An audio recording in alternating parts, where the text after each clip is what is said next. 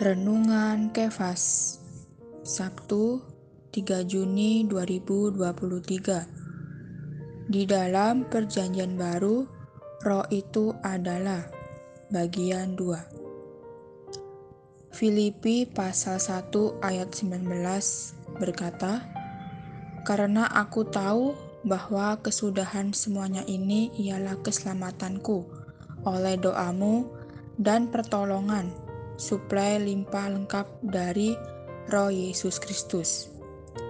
Yohanes pasal 7 ayat 39 berkata, yang dimaksudkannya ialah roh yang akan diterima oleh mereka yang percaya kepadanya, sebab roh itu belum datang, ada karena Yesus belum dimuliakan.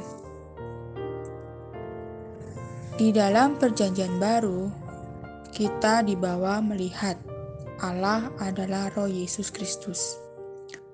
Berbagian dalam kelahiran, kehidupan, dan penderitaan Yesus, dan kebangkitan dan penyaluran hayat Kristus untuk memiliki suplai limpah lengkap, supaya kaum beriman dapat diselamatkan dalam segala hal.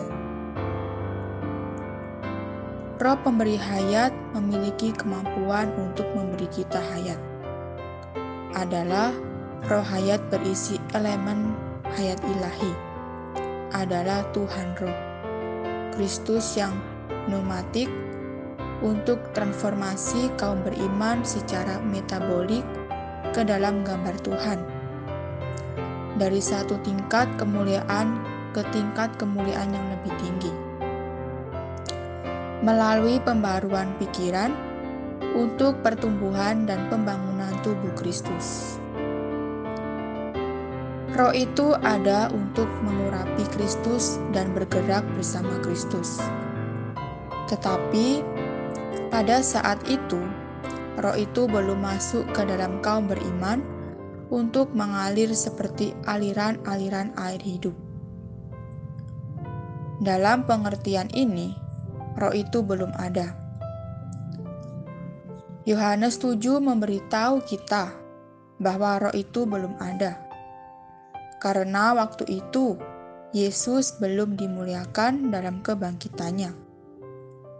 Kebangkitan adalah Yesus keluar dari cangkang keinsaniannya dan melepaskan hayat ilahi. Dan kebangkitan ini disebut pemuliaan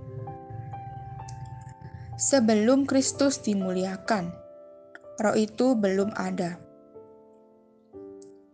Ketika Yohanes berkata, "Roh itu belum ada," yang dia maksud bahwa roh itu belum mengalir keluar dari kaum beriman seperti aliran-aliran air hidup. Tetapi roh itu ada untuk mengurapi Kristus dan pergerakan Kristus dalam ministrinya melalui dan dalam kebangkitannya. Kristus sebagai Adam yang terakhir menjadi roh pemberi hayat untuk masuk ke dalam kaum berimannya, untuk mengalir seperti aliran-aliran air hidup. Allah adalah roh dan kedua dari Allah Tritunggal, dalam daging menjadi roh pemberi hayat. Sebelum kebangkitan Kristus, Allah adalah roh tetapi bukan roh pemberi hayat.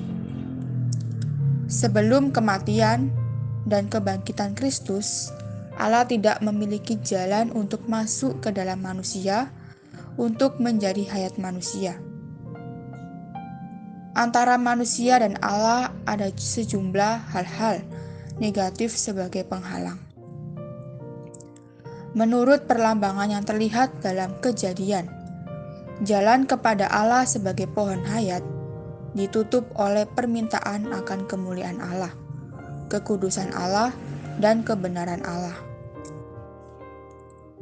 Manusia yang jatuh, berdosa, dan najis sebenarnya tidak dapat mengambil pohon hayat untuk mengambil Allah masuk sebagai hayat, sampai kematian Kristus memenuhi permintaan-permintaan ini. Terang hari ini, Allah mau melalui proses untuk menjangkau kita dan melihat kenikmatan kita. Poin doa: berdoa agar Tuhan kiranya memberikan kurnia kepada kita, agar kita dapat menjadi orang-orang yang menikmati Allah dan mengapresiasi Allah yang mau melalui proses untuk menjadi kenikmatan kita.